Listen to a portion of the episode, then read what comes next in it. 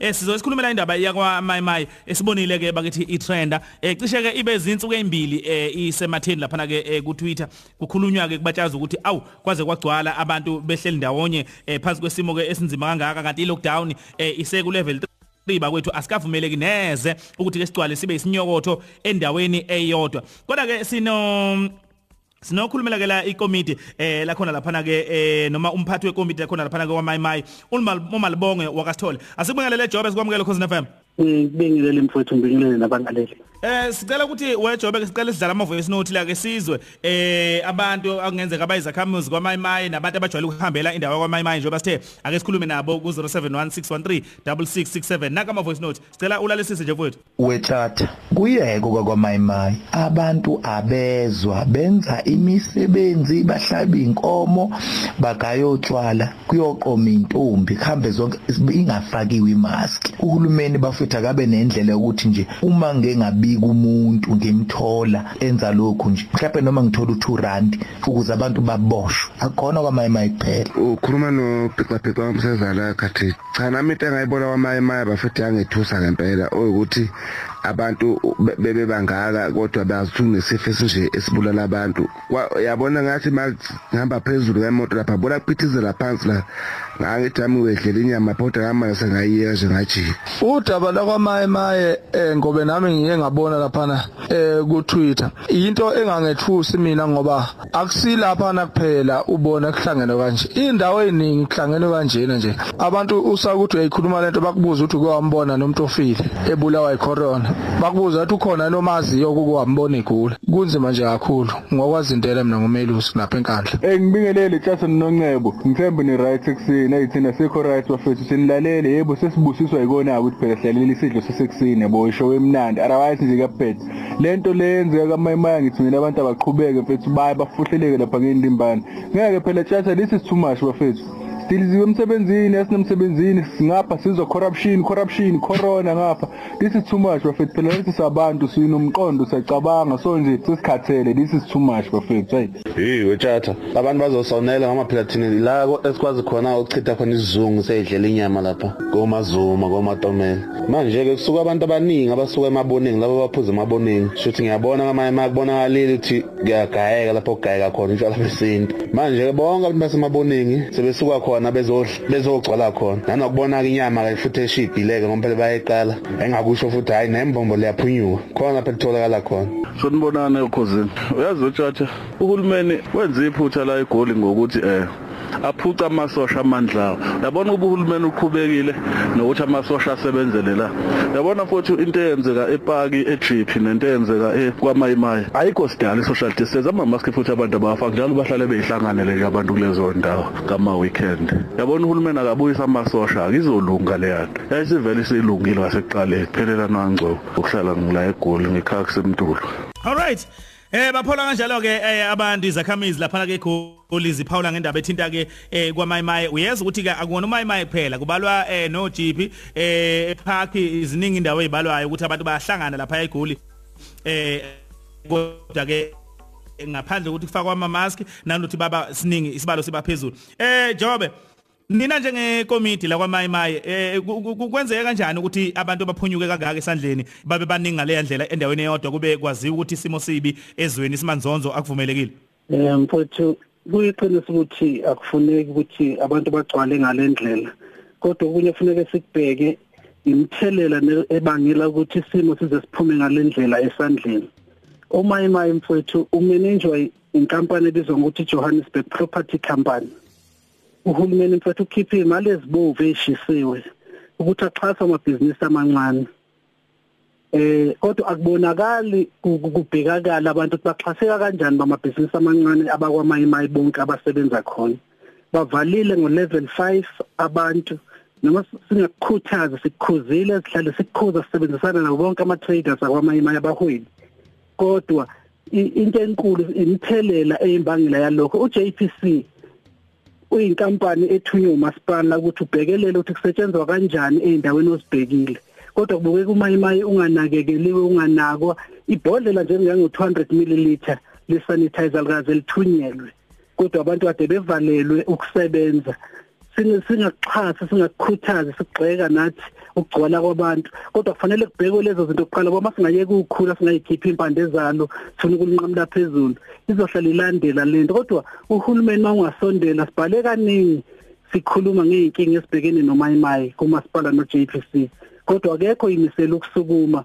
Abantu basebezama ukusebenza ngalendlela ikakhulukazi kusuka abantu okuba nzima ama security awanele ukuthi mhlawumbe angagada esangweni. Ngoba uhulumeni usevulile manje ukuthi kungasetshenzwa kodwa inkampani kufanele ngabe iyabheka kusetshenziswane nomphakathi kwamayimayi kubonakala ukuthi kungenziwa kanjani bahlele emahhovisi. Ayikho into esingathi thina basisiza ngayo siwumphakathi kwamayimayi kodwa siyasebenzisana nabo bonke abahwebi ukulungisa isimo sokuthi akungagcwali ngalendlela kodwa kungaphezulu kwamandla uma ngabe abasemagunyeni abakwazi ukuthi basondele izinsiza zikahulumeni zikhona bazigodle zingakwazi ukulekelela esimene sifana naleso. Eh mhlawumbe jobe mangase sithi ukuhlehla kancane eh sibuze nje umbuzo nje o mhlawumbe ongalekelela ukuthi siqonde ukuthi niyakwazi yini ikhona yini indlela yokuthi kulawuleke ukungena nokuphuma kwabantu nokuthi eh nisikali isibalo sabantu asebengenile.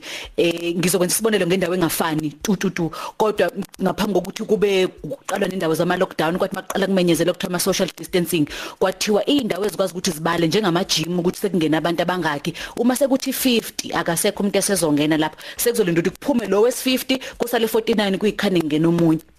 Kwakungakafiki na kwi lockdown lapho. Njengoba sesila ku level 3 ninayo indlela nina lapho kwamayimaya ukuthi nilawule ukuthi ay yabona ke manje senibaningi kakhulu babhema ngeke sakwazi ukuthi kungene umunye umuntu la. Eh kune ikhathi dadwethu imizamo iba khona ngekhathi namhlanje thothi kusakhanya kuse early kodwa kuye ukuthi ngekhathi zantambama bese inkinga iba khonyana ngoba abantu mhlawumbe abanye nabo so bephuma emsebenzini ngenxa yokuxakeka nokuphuthuma. Kugcine ngasayolawuleki ngoba igate linye akekho umuntu mhlawumbe singathi unogada uqhashiwe ubekelwe lokho.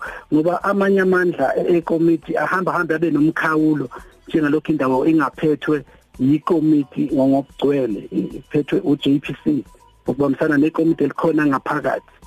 Kube sekuba nenkinga ke ukuthi mabe ngena labantu ngaphakathi sekuntambama akekho umuntu okhona ozokwazi ukulawula ngoba noma uhwebi uzothi evimba ngapha nathi ngapha kufanele asize ikhasimende lakhe. Izo zonke inkinga esibhekene nazo lezo kodwa sibe singaxhasa ukugcwala kodwa kufanele ukuthi kubanjiswane phakathi kwamasipala uJPC nabahwebi bakwamayimayi ngethemba kodwa uma kungenziwa njalo isona sixazululo lesingaba khona ngoba bonke abantu abathintekayo mabesebenzisana. Kungekho donsayo oshona le omunye adonsa ashonele ngoba mase singakhumbula nje sise lockdown okokuqala bona labantu esikhala ukuthi kuyagcwala enyameni.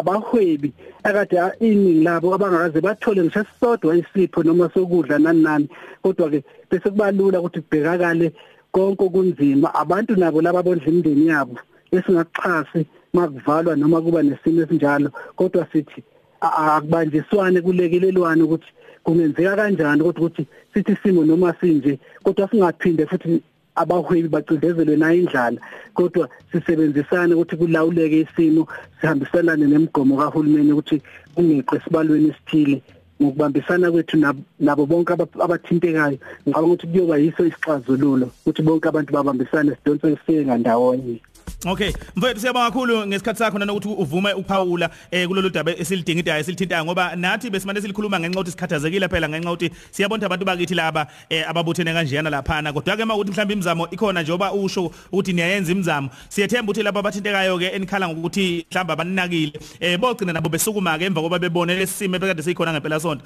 etheneni babambisane nani ukuze izinto zihambe ngendlela ke ekufanele ngabe zihamba ngayo.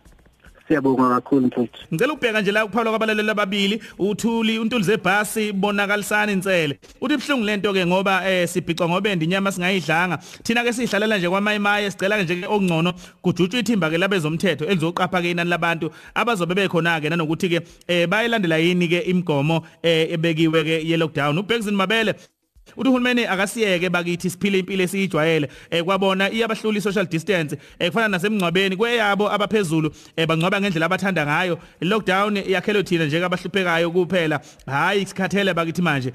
Umbono ke lo ka Bexini umfoka mabele. Kanti ke lapha ya mangithi pheqe pheqe la.